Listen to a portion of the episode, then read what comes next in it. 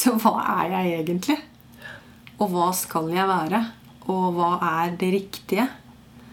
Og den prosessen har jeg vært i nå i over et år, faktisk. Og det er ikke lite sårbart å stå i. Um, fordi folk har gitt deg meg en rolle. ikke? Og, og vært, som du sier i stad, en ganske profilert uh, muslimsk konvertitt.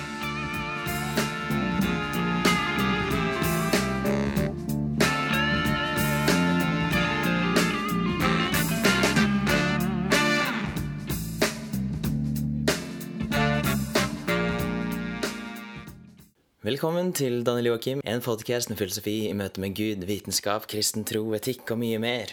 God pinse! Det er 18. mai, og sommeren nærmer seg. Og akkurat nå så er det ganske mange episoder som er planlagt fram i loopen. Jeg vet ikke om du syns noen av disse temaene høres spennende ut, hvis jeg sier f.eks. partikkelfysikk, eller visdom i naturvitenskap, kreasjonisme, en prest og en ateist som prater sammen, og kanskje til og med helvete, hvis vi rekker det så er det i hvert fall bare noen av episodene som er planlagt framover. Så dette er nok en god unnskyldning til å anbefale deg å gå inn og abonnere på denne podkasten. Ikke bare gjøre det, men også anbefale den til en venn. I dag så har jeg fått prate med Mariam Trine Skogen. Du kjenner henne kanskje best som norsk konvertitt og muslimsk samfunnsdebattant, som bl.a. har blitt invitert til Debatten på NRK.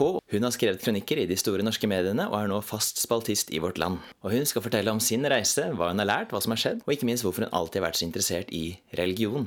Husk at påmeldinga til Filosofiuka nå er åpen. Da, går du inn på sida til skaperkraft.no slash arrangementer, eller søker på Filosofiuka 2018 på Facebook. Husk at du får rabatt dersom du melder deg på tidlig. Og alle kommentarer eller spørsmål kan sendes til mail at danieljoakim.org, eller ta kontakt på Facebook. Men nå gjenstår det bare å ønske velkommen til Mariam Trine Skogen.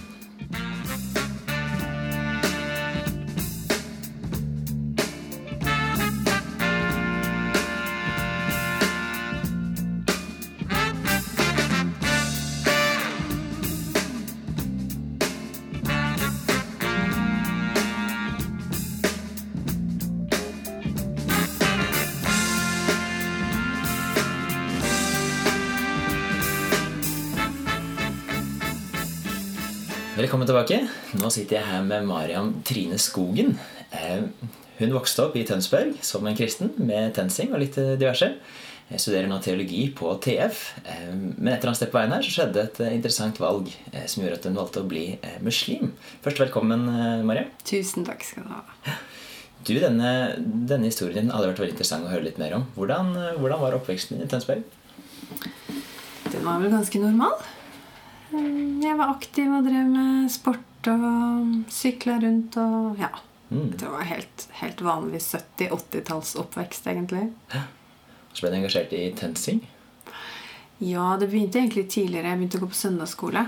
Mm. Um, nå vokste jeg opp et sted hvor det ikke skjedde så fryktelig mye, så alle gikk egentlig på alt som man kunne gå på. Men jeg hadde veldig glede av å gå der, da. Jeg hadde mm. det.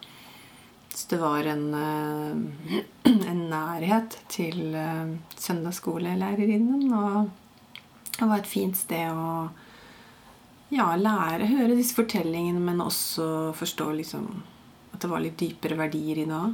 Mm. Mm, også når jeg ble eldre, så hadde vi noe som er kalt for Jenteklubben. Som var også et litt sånn samme konsept med liksom pizza og bibel og litt sånt. Men eh, jeg var ikke noe sånn superkristen, var jeg ikke. Men sånn helt normalt som nesten alle andre. Ja. Ja. Tror du du gjorde det for fellesskapet sin del, eller sitter du fortsatt og husker på de tingene du lærte fra den tida? Jeg merker at det har gått inn på et nivå som er tilgjengelig når jeg begynner å gruble. Mm. Eh, men det er ikke sånn at jeg husker egentlig annet enn eh, stjerner, sånne klistremerker og glansbilder. Som var den store gulrota. Å få nok stjerner så kunne du få et glansbilde. Men du har tydeligvis alltid vært eh, fascinert av dette religiøse, dette som måtte gå litt eh, dypere. Hvor, hvor tror du det kommer fra? Jeg har også lurt mye på det. Jeg vet ikke helt, altså Den der eh, hvite-trangen og nysgjerrigheten har alltid vært der. Jeg mm. lærte meg tidlig å lese. og Jeg har alltid lest mye bøker og spurt veldig mye spørsmål. Hvorfor, hvorfor er det sånn? Og ja, men du forklarer mer. Og eh, mange år før jeg begynte på skolen. Alltid vært veldig nysgjerrig og har lyst til å vite. Men jeg ser jo seinere også at det å søke etter en kilde som var optimalt god, det var jo også en trøst. Mm. Jeg um, Og det er en kilde optimalt god. Da mener du altså Gud? Mm. Mm. Ja. Eller Jesus, da, som jeg lærte om den gangen. Jeg ba til Jesus om hjelp når ting var veldig vanskelig. Og jeg trodde jo at han skulle komme og fikse dette her, da. Men jeg våkna neste morgen med akkurat de samme problemene, så jeg ble jo egentlig litt skuffa. Men den derre troen om at det er antageligvis noe mer, og hvis jeg er snill nok eller gjør bra nok ting, så vil jeg være verdig den hjelpen. Da. Så jeg tror i perioder hvor jeg ikke har vært sikker, så er det håpet om at det fins en rettferdighet i alt det urettferdig, mm. som har uh, gitt meg visshet om at det må være noe mer. For det har ikke gått litt andre veien nå? At uh, all den urettferdigheten som vi må gjøre, som jeg har nærmest gjort det vanskelig å forene med at det kan eksistere en god allmektig Gud? Nei, faktisk aldri for meg. Nei. Fordi jeg har vel opplevd at uh, Guds rike eller Guds tilstedeværelse er et annet sted. Mm. Og det er det som er det optimalt gode. Og at uh, dette livet her er absolutt ikke det. Og det betyr jo ikke at ikke man ikke får smakebiter av godhet. Mm. Uh, eller smakebiter av rettferdighet. Men at en optimal godhet og rettferdighet det er, det er uoppnåelig her. Det har jeg egentlig skjønt for lenge siden. At uh, det er ikke mening altså, Det var vel av de der uh, mislykka bønnesvarene mine mm. at jeg skjønte at uh, Gud er ikke julenisse. Nei.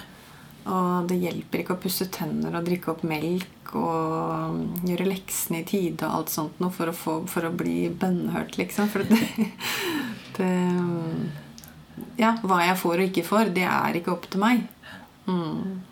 Det er vel gjerne det man ofte i amerikanske kretser omtaler som sånn snacksmaskin-gud. Mm. At du bare kan uh, putte på et eller annet. Da. Om mm. ikke det er mynter, så er det i hvert fall en slags sånn bestilling. Mm. Og forvente at uh, det kommer ut akkurat det du trykker på.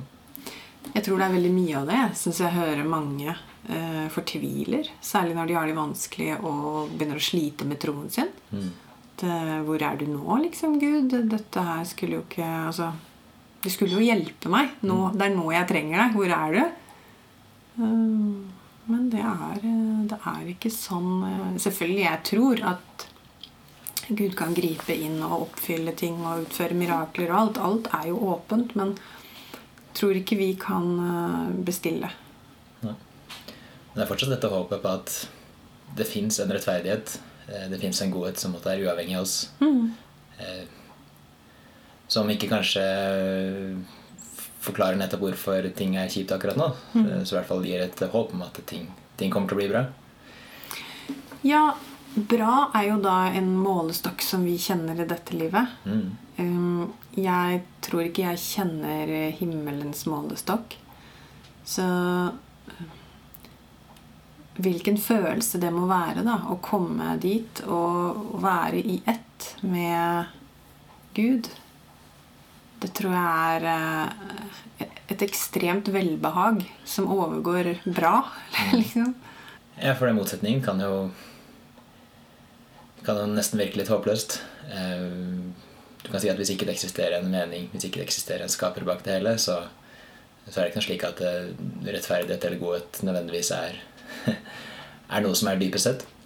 Da er det jo nærmest bare en natur som er natur. Som er natur som jeg skrev i min kritikk av Stephen Hawking. Stephen Hawking klagde jo ofte over at eh, universet var, eh, universet var ondt og nådesløst. Mm. Men problemet er at hvis ikke du tror at det eksisterer noe bak universet, så er jo ikke naturen er jo ikke på noen spesiell måte. Vi kan jo mm. ikke, mm. vi kan ikke tildele noen sånne adjektiver til, til universet, for det, mm. naturen bare er natur. Ja, ja, jeg er jo helt enig med deg. Det er, eh, altså Hvis et menneske sulter i hjel, så skal man da si at eh, naturen er ond? Eller ikke sant? hvem er onde her? Er det de som ikke gir mat? Hvor, mm. hvor er liksom definisjonen? Så det er eh, Nei. Altså, jeg sliter med ateisme, da, for jeg kan ikke skjønne at noen ikke kan se at det er noe mer. Det høres kanskje dumt ut å si det. Jeg ønsker ikke å være arrogant, eller noe sånt, men det, det er for meg så mange bevis og så mange tankerekker som hele tiden fører ut i både logisk og følelsesmessig at det, det, ting henger sammen. Ja. Så jo, jeg tror. Ja. Eh, spennende. Men som sagt, du vokste opp med denne kristne bakgrunnen. Mm. Som kanskje ble gitt deg litt mer fra familien og lokalsamfunnet sin side. Eh, men, men, det skjedde et eller annet som gjorde at eh, det ikke lenger var tilstrekkelig? Ja, altså familien min var ikke noe spesielt uh, praktiserende. Uh, vi gikk i kirka på julaften. Ja. Uh, mamma hadde gått på noe sånn kristen folkehøyskole og hadde en bibel i bokhylla, men det var aldri snakk om altså Jeg fikk ikke tro som et verktøy for livsmestring hjemmefra. Det var noe jeg søkte på egen hånd. Ja, det som skjedde, var vel at jeg, jeg hadde en del venner som var sånn superkristne, da. Som var veldig sånn høy halleluja-faktor og 'er du frelst?' og sånn.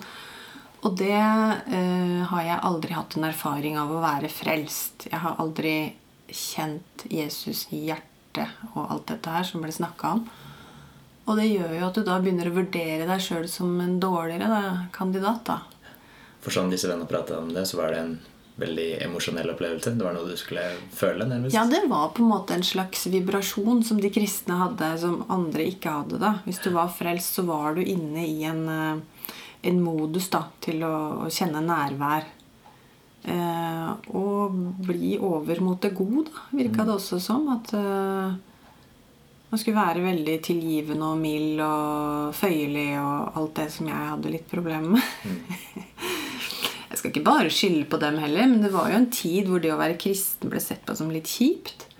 Og det var ikke liksom de kuleste som uh, altså, Nesten alle konfirmerte seg når, når, jeg gjorde det, men det var liksom de tøffeste og kuleste. De var liksom Æsj, det greiene der var ikke noe sånn. Så det var jo en tid hvor du måtte ta et aktivt valg.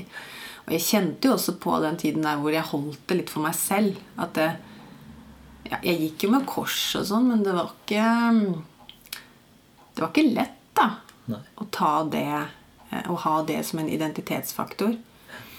Men det store problemene ble jo når jeg følte at jeg aldri ble bønnhørt. Og ja, som jeg sa i stad, at eh, ikke fikk jeg hjelp med problemene mine. Og ikke kjente jeg noe Jesus i hjertet. Og da Jeg husker enda den bønnen, den kveldsbønnen. For jeg har alltid bedt kveldsbønn. Det lærte jeg jo da jeg var veldig liten. Så Jesus, hvis ikke du tror på meg, så tror ikke jeg på deg heller.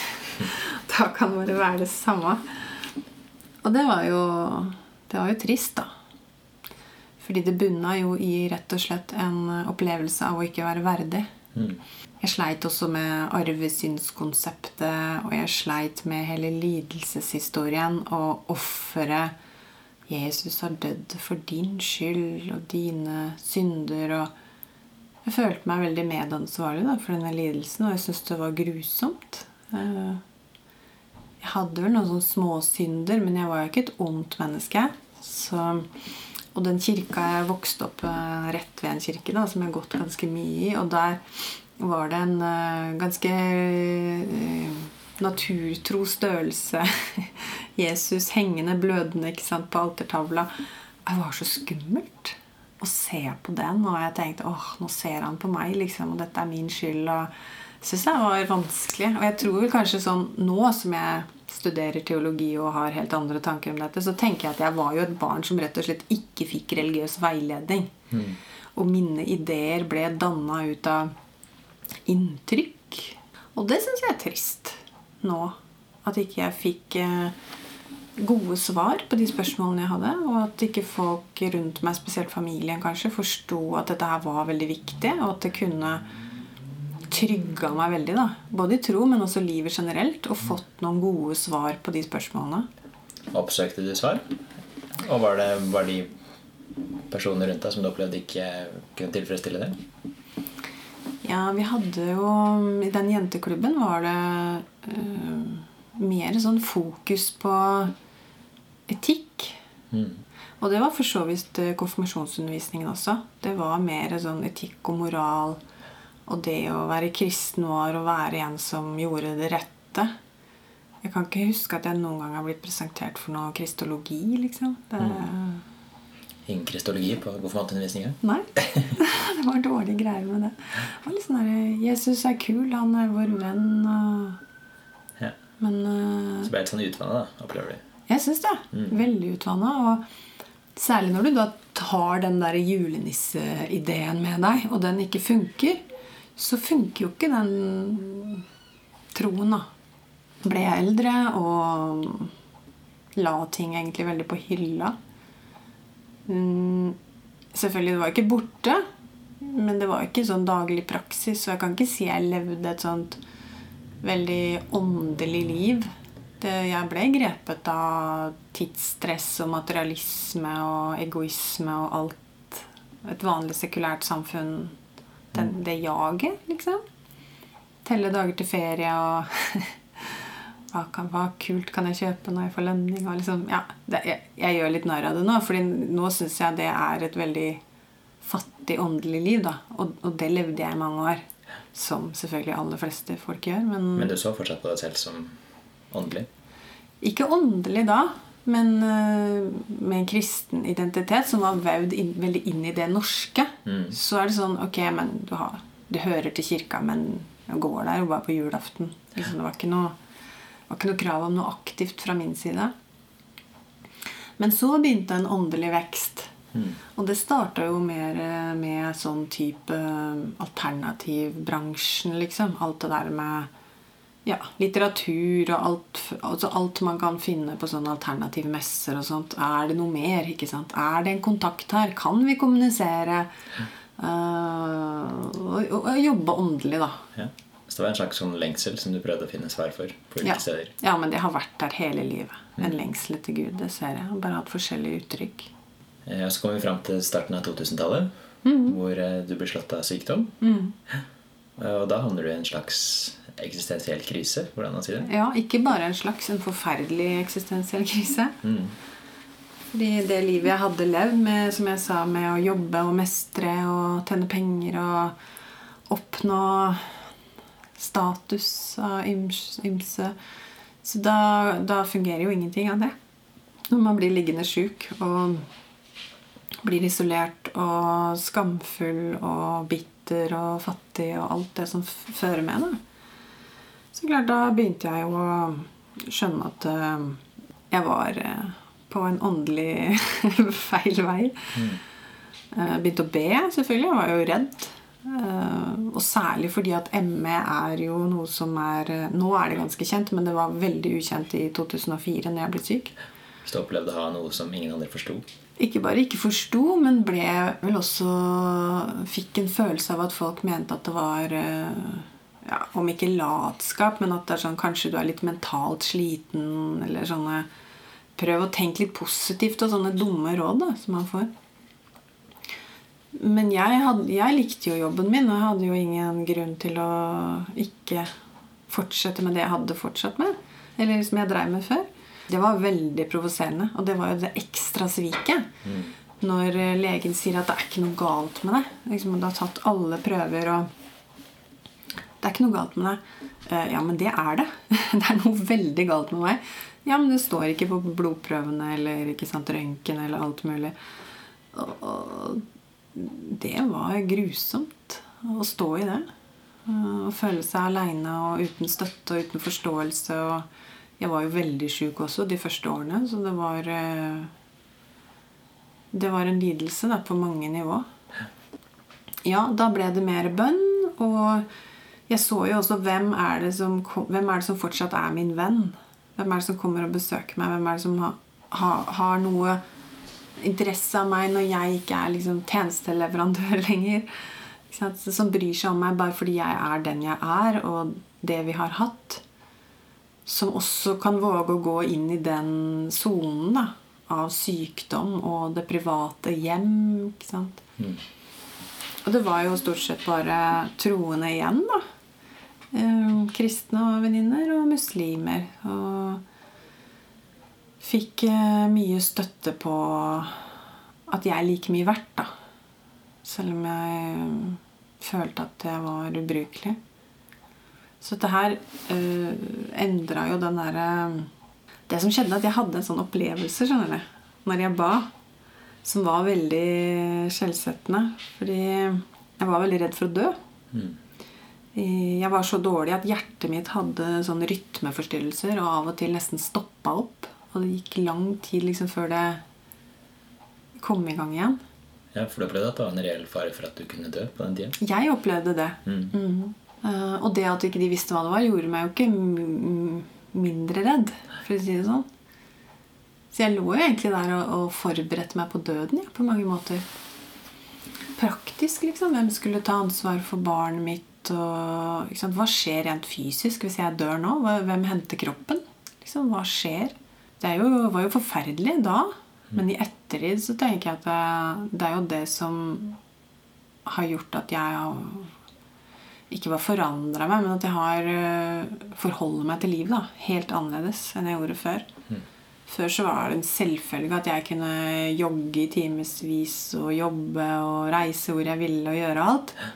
Og plutselig så var ingenting en selvfølge. Den konfrontasjonen med døden mm. forandra hvordan du tenkte? Mm, veldig. Og ikke minst det at jeg, jeg, trodde jeg hadde så god tid, men så skjønte jeg at jeg har ikke god tid. Mm. Jeg kan når som helst dø. Og begynte å tenke på det her regnskapet. da. Liksom, ok, Hva skjer? Ja, Noen finner meg, bærer meg ut, begraver meg. Jeg så det liksom for meg en sånn film. Står det familie og venner og gråter litt ved graven, og så reiser sjelen min opp. Og så så jeg for meg at jeg skulle møte noen der da, som skulle ta imot meg liksom med CV-en min. på en måte. Ok, ja, du skal få komme inn her. Nå skal du på jobbintervju med Gud, på en måte. Ja, og da eh, spurte Gud meg ja, hva syns du om livet jeg ga deg? Og da kjente jeg en skam av utakknemlighet for alle de tingene jeg faktisk hadde fått av ressurser og muligheter som jeg ikke hadde benytta meg og bare hadde tatt som en selvfølge. Og jeg liksom Jeg hadde ingen klager, da. Men, men, før jeg så dette for meg, så hadde jeg jo mange klager. Fy søren, Gud, jeg hadde det så vanskelig.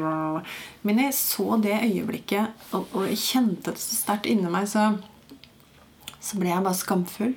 Uh, og at jeg ikke engang kunne klare å si Ja, men hvorfor var du ikke der når jeg trengte deg? Men at det kom et sånt svar av har, har, du ikke sett hvor mye hjelp jeg har sendt deg? liksom?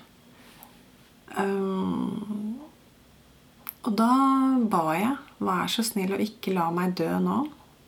La meg få lov til å leve et liv Jeg er veldig rørt når jeg sier det. For jeg ba om å få komme tilbake da, med en annen CV, liksom som jeg kunne være stolt av.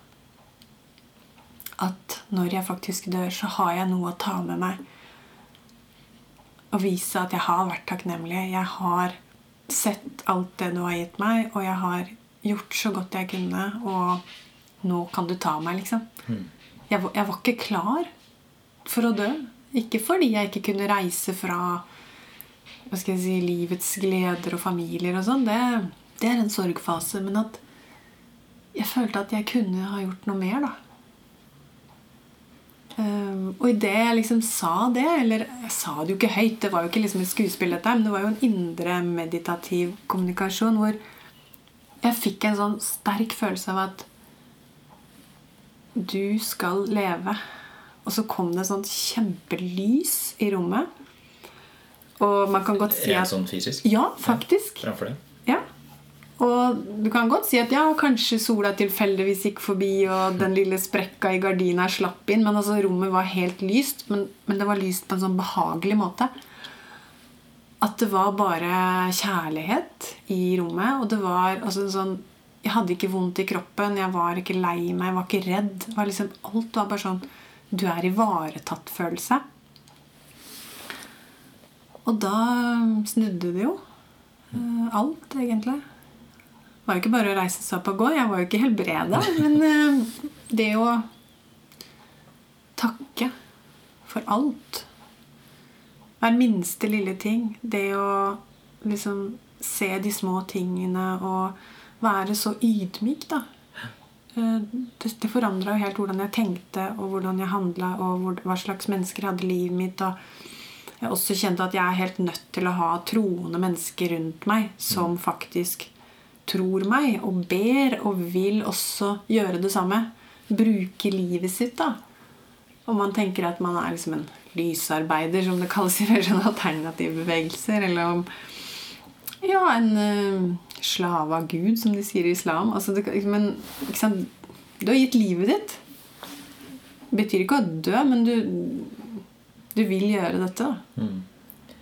Merker ofte at eh, blant de troende som jeg ser mest opp til, Mm. de ser gjerne på livet sitt gjennom dette her at du, du nærmest er en forvalter. Ja. Altså, Ja. Du kommer hit til kloden, og du får en mulighet. Ikke fordi du skal bruke den muligheten til å skaffe mest mulig til deg selv av materielle goder og opplevelser og alle disse tingene her, men at du, du blir gitt en tid på jorda, og så får du tildelt noe du kan bruke det til.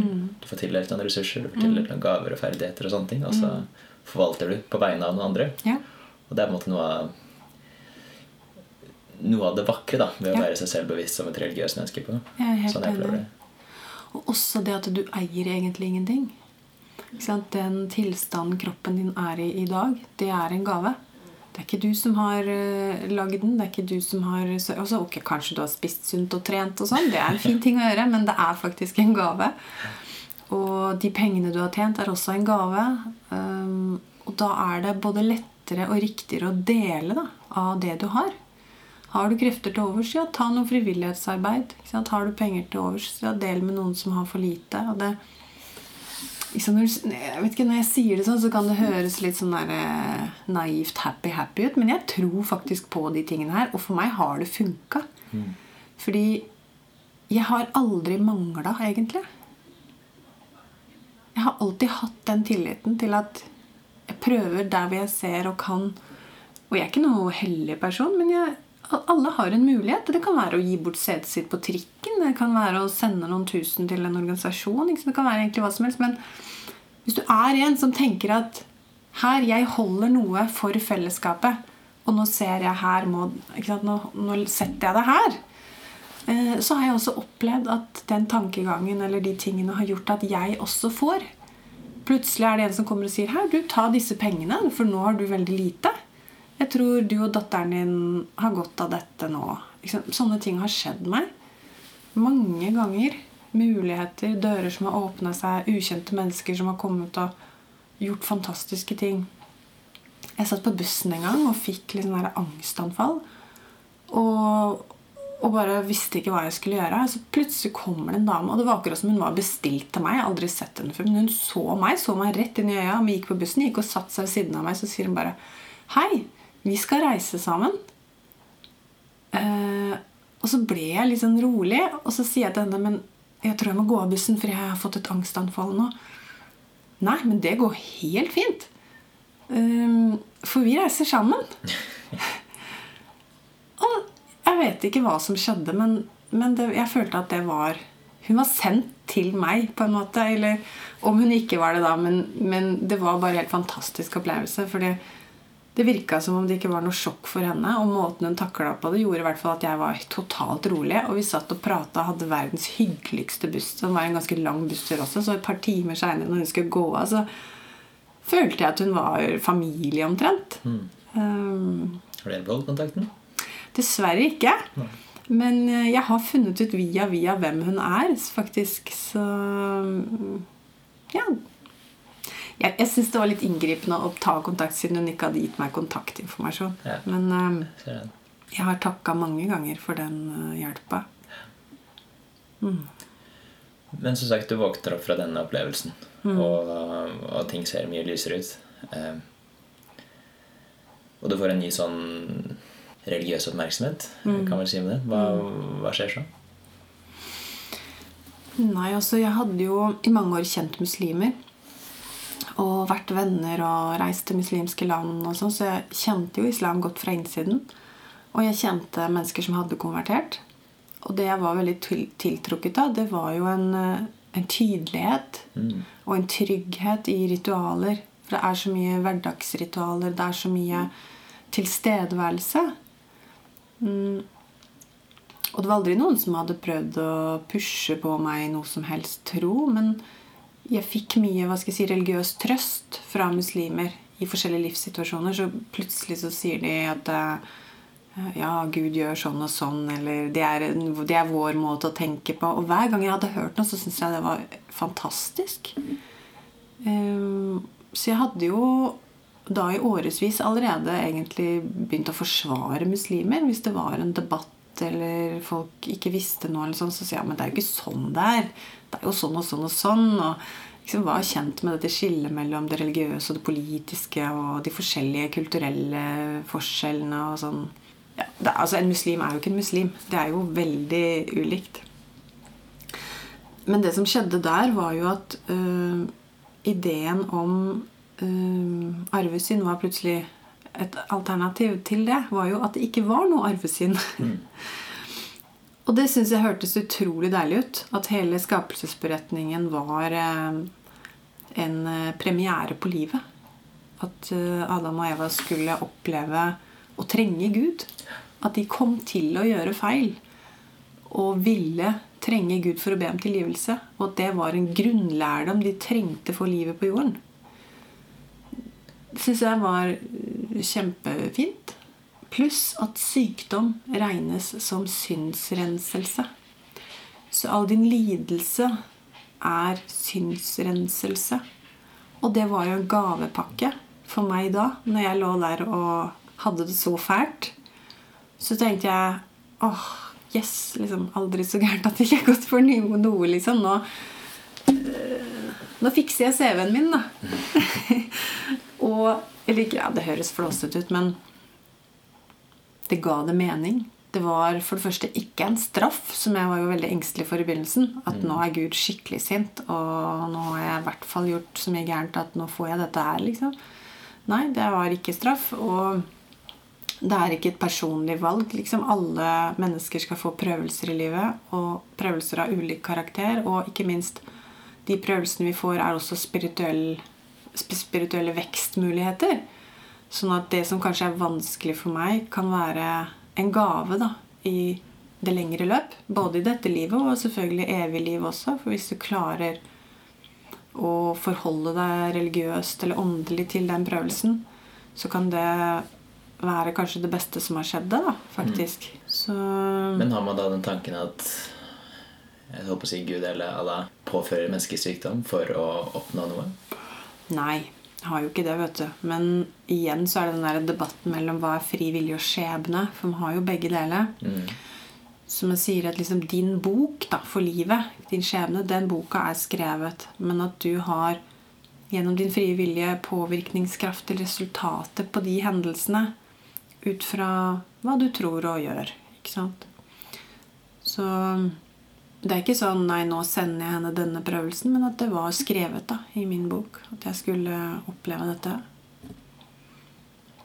Og da Ja, da føltes det ikke så veldig sånn eh, personlig heller. At uh, 'Hvorfor skjedde dette meg?' Den tanken var borte.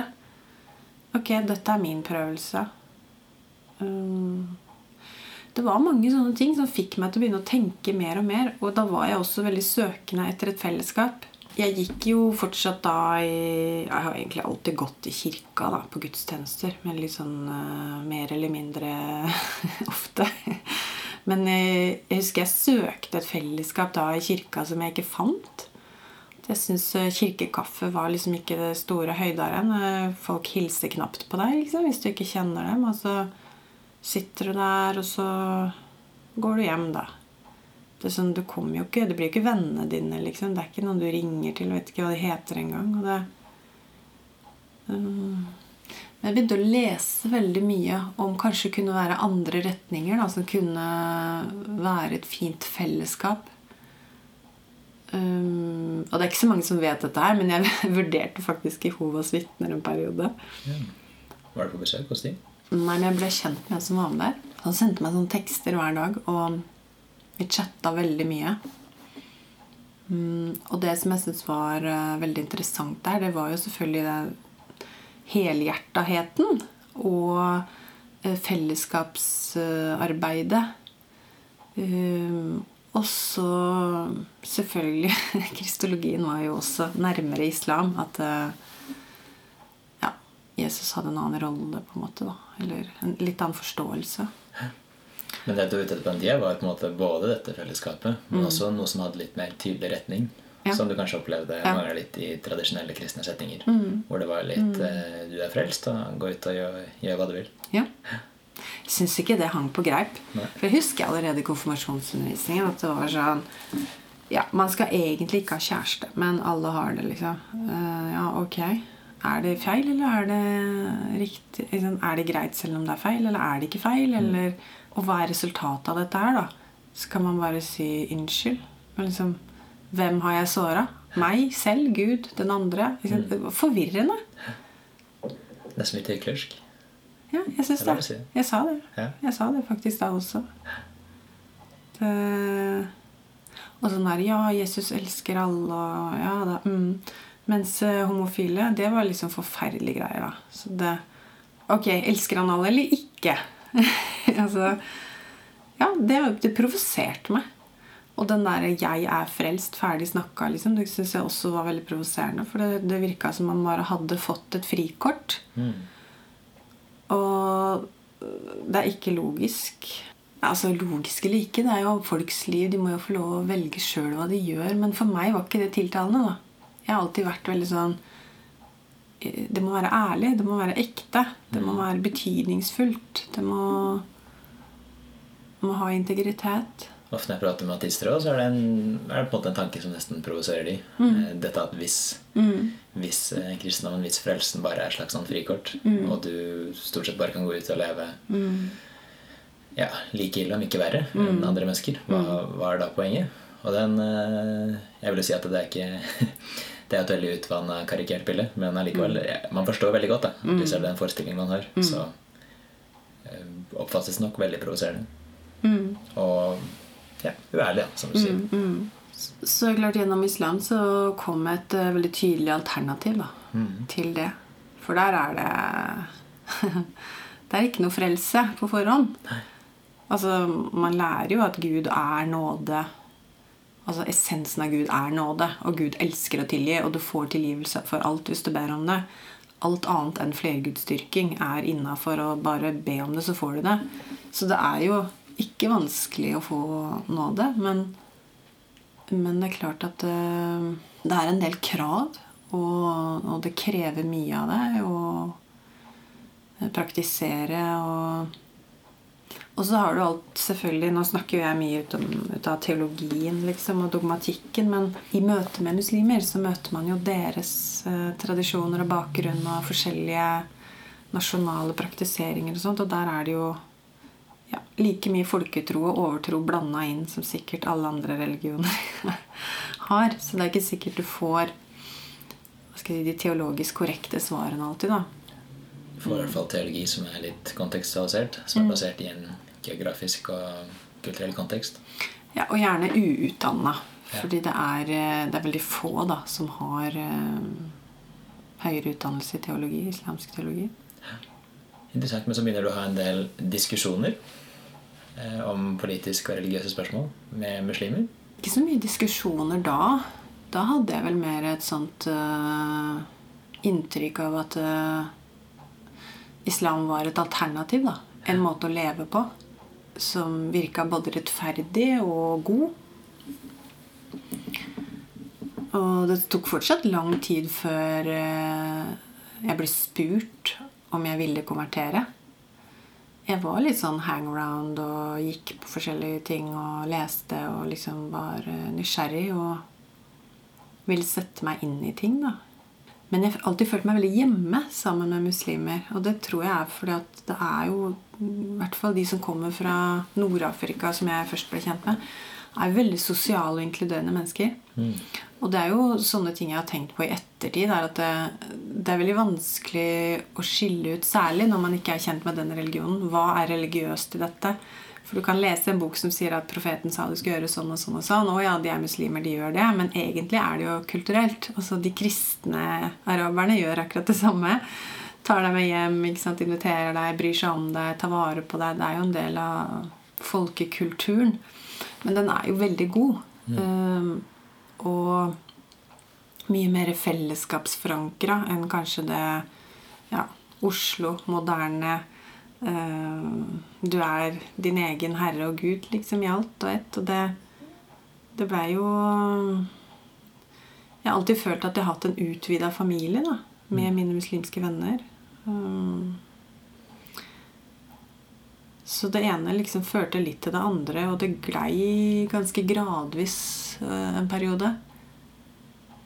Men eh, det var når jeg begynte å lese Koranen, at det faktisk fikk en veldig sterk opplevelse av at dette kunne være skrevet av Gud. Og at mange av de store spørsmålene jeg hadde hatt i livet, de plutselig så kom det i den spørsmålsformen jeg selv hadde formulert for meg selv, sto der. Eh, Og så kom svaret etterpå. Etter hvert så lærte du deg arabisk. For å Ja. lese grønnteksten direkte. Du måtte jo lære litt eh, med en gang, fordi når jeg konverterte, så er du jo med en gang bønnepliktig. Og da må du lese eller resitere noe på arabisk. Så det måtte jeg jo bare pugge uten å skjønne noe særlig i begynnelsen. Du leser jo oversettelsen, men det er klart ord for ord og grammatikk og sånn er jo sånne ting som kommer etter hvert. Mm, og det tok ganske mange år før jeg eh, gjorde alvor av at jeg må kunne mer arabisk.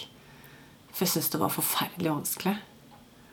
Um, sleit både med uttale og å huske ting. Og du vet, koranarabisk det er jo like gresk holdt jeg på å si, som hebraisk. Altså bibelhebraisk. Det er jo ingen som snakker det. Nei.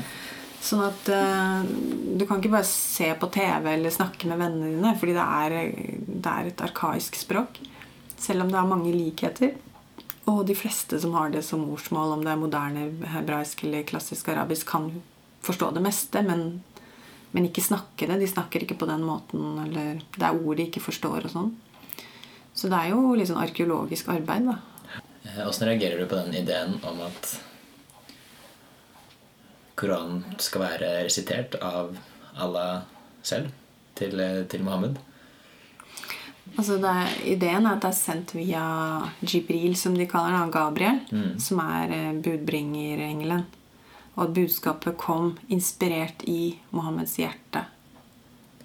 Men er det ikke en muslimsk tenke at eh, det nærmest var Allah som dikterte ord for ord da gjennom Jibril til, Jo, til Mohammed? Slik at ordrett, ja. den Koranen man har foran seg, ikke bare er inspirert av Gud, som man kanskje vil si at Bibelen er på mange måter, men at det nærmest er diktert av Jo, Allah jo riktig det. Det er, eh, det er noe man må, må tro som muslim. Og akseptere. Det er et grunnleggende premiss. Det gjør jo at det er veldig vanskelig å diskutere den teksten. Diskutere teksten? Ja, altså når man begynner med tolkning, altså koraneksegese og utvikling og forskjellige teologiske mm, vinklinger, så blir det jo veldig mye ofte bråk og Ja. Det, det har et veldig lite tolkningsrom. Ja. ja, for det vil jeg tro. Uh, og det er kanskje både en styrke og en svakhet. Altså I kristendommen så kan du se på noe som er uh, skrevet av Jesaja eller skrevet av Paulus, uh, og så kan du nærmest godta det at ja, men dette, er ikke, dette er ikke Guds egne ord. Så du kan være åpen for det at ja, men Jeremia var desto større plassert i en historisk, eh, historisk kulturell kontekst. eh, Eller at det til og med kanskje var noe han ikke helt Ja, eller i hvert fall at han, han skriver fra sin egen tolkning da, av hva som skjer. Mm. Men at det samme rommet har du kanskje ikke når du jobber med Koranen. Nei, det har du ikke. Men det er eh, Altså, det er deler som er helt sånn eh, ikke mulig å diskutere. Grunnprinsipper. Og så er det Altså, har du lest Koranen? Bare utdrag. Ja. Jeg måtte lese det på teologien, Ja. men aldri fra perm til perm. Ja, Nei, for den, den har jo forskjellige typer tekster. Ehm, egentlig som Gamle testamentet. Veldig likt Gamle testamentet. Du har de bibelske historiene om forskjellige profeter og deres historier og sånn. Og så har du en del sånne advarsler. Sånne anbefalinger, pålegg og sånn. Og så er det andre tekster som er mer sånn mm, poetisk eh, pynt. På en måte, Jeg skal ikke si pynt, da, fordi de mener jo at det har, alt har verdi. Men det er særlig de der påbudene og pliktene og sånn som er liksom kommandering fra Gud. Mens de andre historiene er mer sånn visdomshistorier. Mm. Det er jo på mange måter en arabisk versjon av Gamle testamentet. Mm, Det er det. Og jeg har jo jobba i en sånn gruppe med en jødisk og en kristen.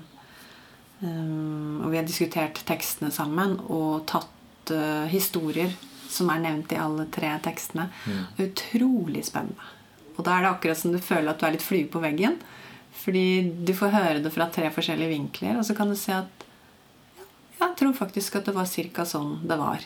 Eh, men så har man brukt de tolkningene ganske ulikt, da. Men det, er, men det at det er tre tradisjoner med mye lik kjerne, det er veldig spennende. Og det er kanskje ikke så rart heller, når disse religionene til syvende og sist bygger på hverandre? Mm, nei, det er jo ikke rart. Det er bare at veldig få som vet det. Og når jeg begynte å lese jødiske tekster, ikke bare Gamle testament eller hebraiske bibelen, men også begynte å lese liksom eh, tekstdiskurs, liksom, da, så eh, For å si det sånn, jeg skjønte islam mye bedre da jeg begynte å lese jødiske tekster. Mm. Um, og, og, det skulle jeg ønske at andre muslimer også turte å gjøre. ja, for hvor mye rom har man som muslim til å ta del i det tekstarbeidet som er eh, gjort av rabbier og prester og teologer? Nei, altså Det er jo ikke farlig å lese. Nei. Men samtidig som Når disse tekstene ender opp i islam, så kommer det ofte en egen sånn spinn på det. Hvor man mm. leser disse tekstene på en ny måte i, i kontekst av det nye narrativet som man forteller.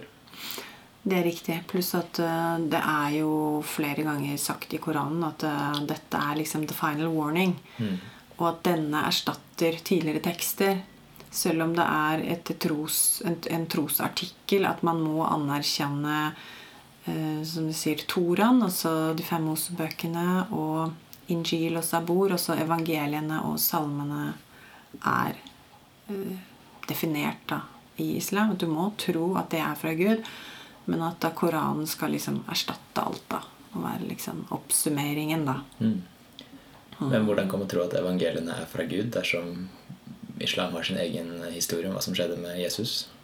Altså at han ikke ja, nei, Det går på det der guddommelig inspirerte opplegget. da. Mm. At uh, Jeg har i hvert fall aldri hørt at noen har sagt at det er ordrett. Men her er jo det som er så utrolig viktig da, med å lese flere religioner. For da, da finner du de der tilslørte greiene.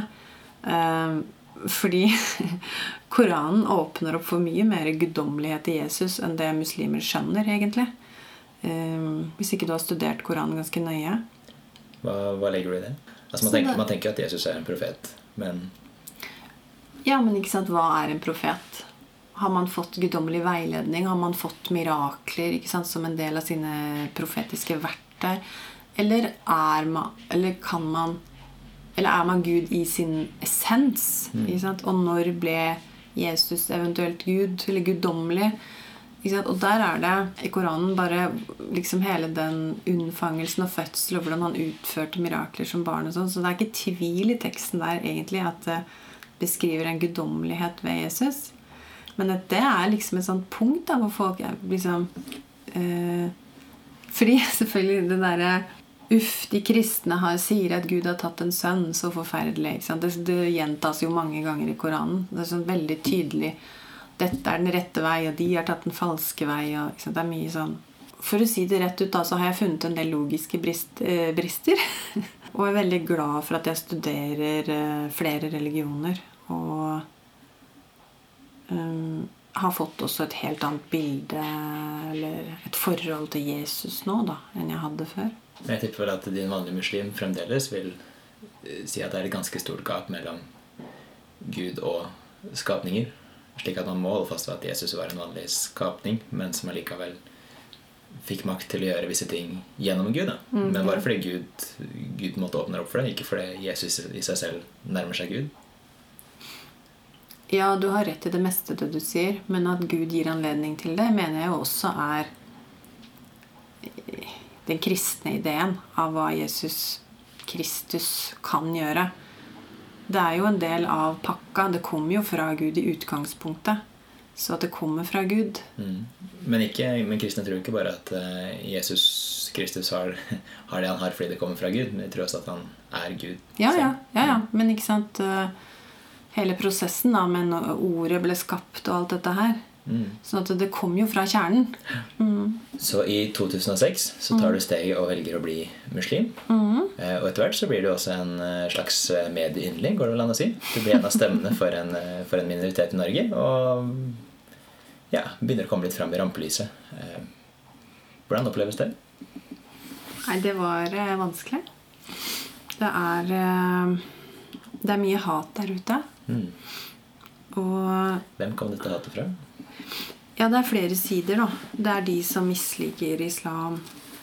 Eh, Det er de som misliker muslimer. Det er de som misliker at jeg hadde konvertert. Eh, Og det er muslimer som misliker det jeg sier. Ja. Så det var jo ganske sånn eh, Ja, spredt. Men allikevel så det gir jo en del muligheter. Og det gir jo forhåpentligvis en del muligheter til, til å prøve å rette opp det inntrykket nordmenn har av muslimer. Hvor du stiller opp på Debatten på NRK og, og, og får skrive, skrive rundt om ulike medier. Klart er Derfor jeg begynte å blogge helt i starten. Fordi jeg opplevde jo helt fra jeg konverterte at jeg ble møtt med eh, vantro og eh, sjokk og utrolig mange rare fordommer og ideer om hva dette skulle innebære, som ikke hadde hold i virkeligheten i det hele tatt. Så det ble vel kanskje min måte å overleve på. Og hør her, sånn er det, og sånn er det ikke. Og det er greit at eh, folk kan mislike mine livsvalg og fordømme meg gjerne, liksom, men, men ikke på feil grunnlag. ikke, ikke, ikke tro at jeg har lyst til å uh, utsette meg selv for uh, mishandling eller å være underkua eller noe som helst. Det, det er ikke det jeg har konvertert til, liksom. Mm. Så um, det begynte jo med den bloggen, og så ble det var med og skrev noen bøker, og så ble det litt debatter. Og sånt. det var veldig gradvis, da, egentlig. Mm. Så ja, har det vel egentlig bare blitt mer og mer. Men nå har jeg jo Nå gjør jeg ikke det lenger, da. Um, Du er fortsatt spaltist i Vårt Land, men Ja. ellers så takker du stort sett nei til oppdrag, eller? ja. Men jeg, har, jeg skriver ikke som muslim. Det gjør jeg ikke. Jeg skriver som teologistudent og meg selv. Men eh, islam er fortsatt en del av den du er, og din tenkemåte? Jeg tror det alltid kommer til å være det. Men eh, det har også sprukket opp ganske mye etter jeg begynte å studere. Um, og måtte konfrontere meg sjøl på flere sider av religionen, som jeg nevnte litt for deg i stad, med eh, ting som Altså, jeg ser ofte religion litt som sand. At man kan fra stranda, eller hvor, hvor sand utgjør et element. Man kan si dette er religionen. Her er alle sandkornene inntil hverandre. Men så blåser det, og så tar vi med oss litt på føttene og i sandalene og i bagen. Og så blir dette spredt rundt. Og noe av det jeg oppdaga da jeg begynte å studere teologi, det var jo at øh, min kristne identitet og min kristne arv og mitt forhold til kirka øh, var noe som jeg hadde mista.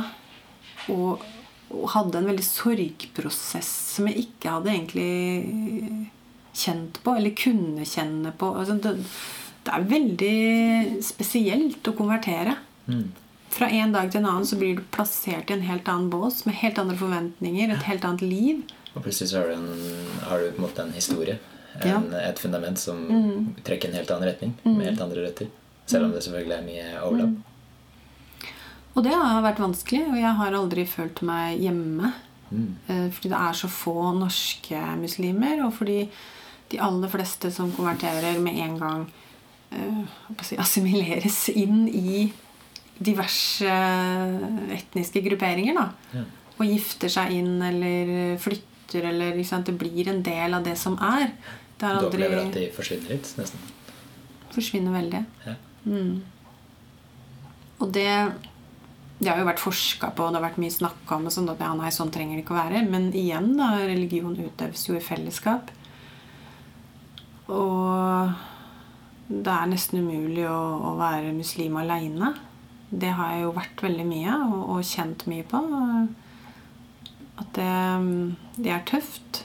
Um, Men også det at jeg har eh, Hva skal jeg si for noe? Jeg har vel kanskje øh, hatt en litt sånn derre Det som jeg skjønte nå, eller i fjor, når det faktisk skjedde, det var jo at jeg har som protestant møtt islam med protestantiske øyne. Mm. Og det skjønte ikke jeg før det gikk opp for meg. Og da tenkte jeg ah, Ja vel. Ikke sant? Um, det er mye kristendom i meg, da. Så hva er jeg egentlig? Og hva skal jeg være? Og hva er det riktige? Og den prosessen har jeg vært i nå i over et år, faktisk. Mm. Og det er ikke lite sårbart å stå i. Um, fordi folk har gitt deg meg en rolle. Og, og vært, som du sier i stad, en ganske profilert uh, muslimsk konvertitt. Um, men fra da å um, oppdage dette og våge å gå inn i en utforsking på det samtidig med studier um, Melde meg ut av moskeen og slutte å jobbe frivillig der. Um, ja, fordype meg i jødedom. Ja. Å kjenne at um, kirka funker helt greit for meg nå. Jeg tror egentlig at det er uh, høyt nok under taket til at jeg kan ha det bra der. Men dette her er jo en trosreise, da, som er Jeg har ikke snakka om dette her egentlig med så mange, fordi at uh, det er veldig sårbart å bli konfrontert med liksom er du kristen? Er du muslim? Er du muslim? Er du kristen? Hva er du nå? Mm. ikke sant? Og hva tror du? Og, og det er mye sånn debatter om å ha rett som kan være veldig ekskluderende. Men tror du ikke det samtidig er viktig å ha sagt, hvis, man, hvis, man, skal tro på noe, da, hvis man skal mm. leve etter noe, mm. så er det måte, viktig å kunne greie å likevel sette noen ord på hva, hva dette er. Ja, det er kjempeviktig. Og det, det vil jo per natur være ekskluderende, men mm. det vil jo på en måte også være det som skaper nye muligheter? Jeg syns ikke det trenger å være ekskluderende. Jeg tenker at de som ekskluderer, har en jobb å gjøre med seg sjøl. Jeg eh, har blitt tatt godt imot både på studiet og i ting jeg deltar i nå. Og så er det noen som kanskje syns det er litt rart, men de har ikke, de har ikke sagt sånn 'Her får ikke du være', liksom. Mm. Den beste kommentaren jeg fikk Fordi jeg var jo nå i praksis i en menighet. Og der kom det opp da på et møte med en som sa du, jeg har lest om deg i Vårt Land. og da Ja. Altså, all, altså, veilederen min, alle visste jo hvem jeg er, men det var jo ikke noe jeg hadde liksom gått med noe skilt i panna. Så da kom jo denne historien om konvertering opp, og ja, at jeg nå tar det til studio og ikke vet helt hvor det ender. Men så gjorde jeg en rask oppsummering, og så sa jeg til henne at jeg anser meg selv for å være i et eh, teologisk drivhus nå. Mm. Og jeg trenger å være der ganske lenge. Um, så sa han det syns jeg høres helt fantastisk ut. Og jeg syns flere av oss burde gått i teologisk drivhus av og til. Eller sånt. Og, og det var bare så herlig å, å liksom få det anerkjennelsen da, på at uh, dette her er lov. Tror du det vil komme ut av det drivhuset? Jeg tror dette er noe som både kanskje må burde ligge og kverne? Altså Drivhus er jo for vekst i en sårbar fase. Ja. Så tar man gjerne plantene ut og planter de i litt mer røff jord. Det er jo sånn med oss mennesker at vi, vi lever mye av livet vårt i sårbare faser. Jo, det gjør vi. Men, eh, men eh, drivhus er litt som kuvøse. Det er når det er helt kritisk. Mm. Og jeg kjenner jo bare at bare det året her da, hvor jeg har grubla mye på dette og vært i prosess, så er jeg jo Altså Bare nå, for tre måneder siden, før jeg gikk i praksis, så var jeg jo helt skjelven. Jeg hadde jo aldri turt å si dette til deg for tre måneder siden. Mens nå er det sånn Sånn er det. Det er lov å føle seg hjemme i kirka. Det er lov å være glad i islam. Det er lov å ikke vite helt hvor jeg lander. Men øh, det jeg vet, er jo at de tingene jeg opplever nå, betyr veldig mye for meg. Mm. Og jeg har også fått en forståelse av religion så mye mer kompleks enn dogmatikk. Og jeg mm. ser at jeg har jo tviholdt på dogmatikk disse årene hvor jeg har vært den der kranglete konvertitten som sier at det er ikke sånn islam egentlig er. Dette er kulturelle utfordringer, dette er politiske utfordringer, dette er økonomiske utfordringer, dette er gamle tradisjoner. ikke sant? Og, og vært den der som hele tiden skal løse opp i disse knutene. Mm.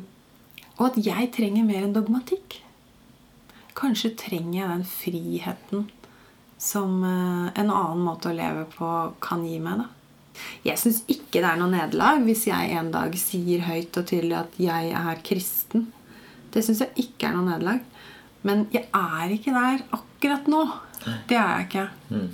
Men det er jo også derfor jeg ikke tar oppdrag for islam, da, for å si det sånn. For jeg sier jo ikke at jeg er muslim heller, så Jeg sier at jeg har elleve års erfaring som konvertert muslim. Og det, det har jeg. Spennende. Da tror jeg egentlig vi er kommet til veis ende. Mm. Da sier jeg egentlig tusen takk for at du ønsket å komme på besøk, eh, Mariam Trine.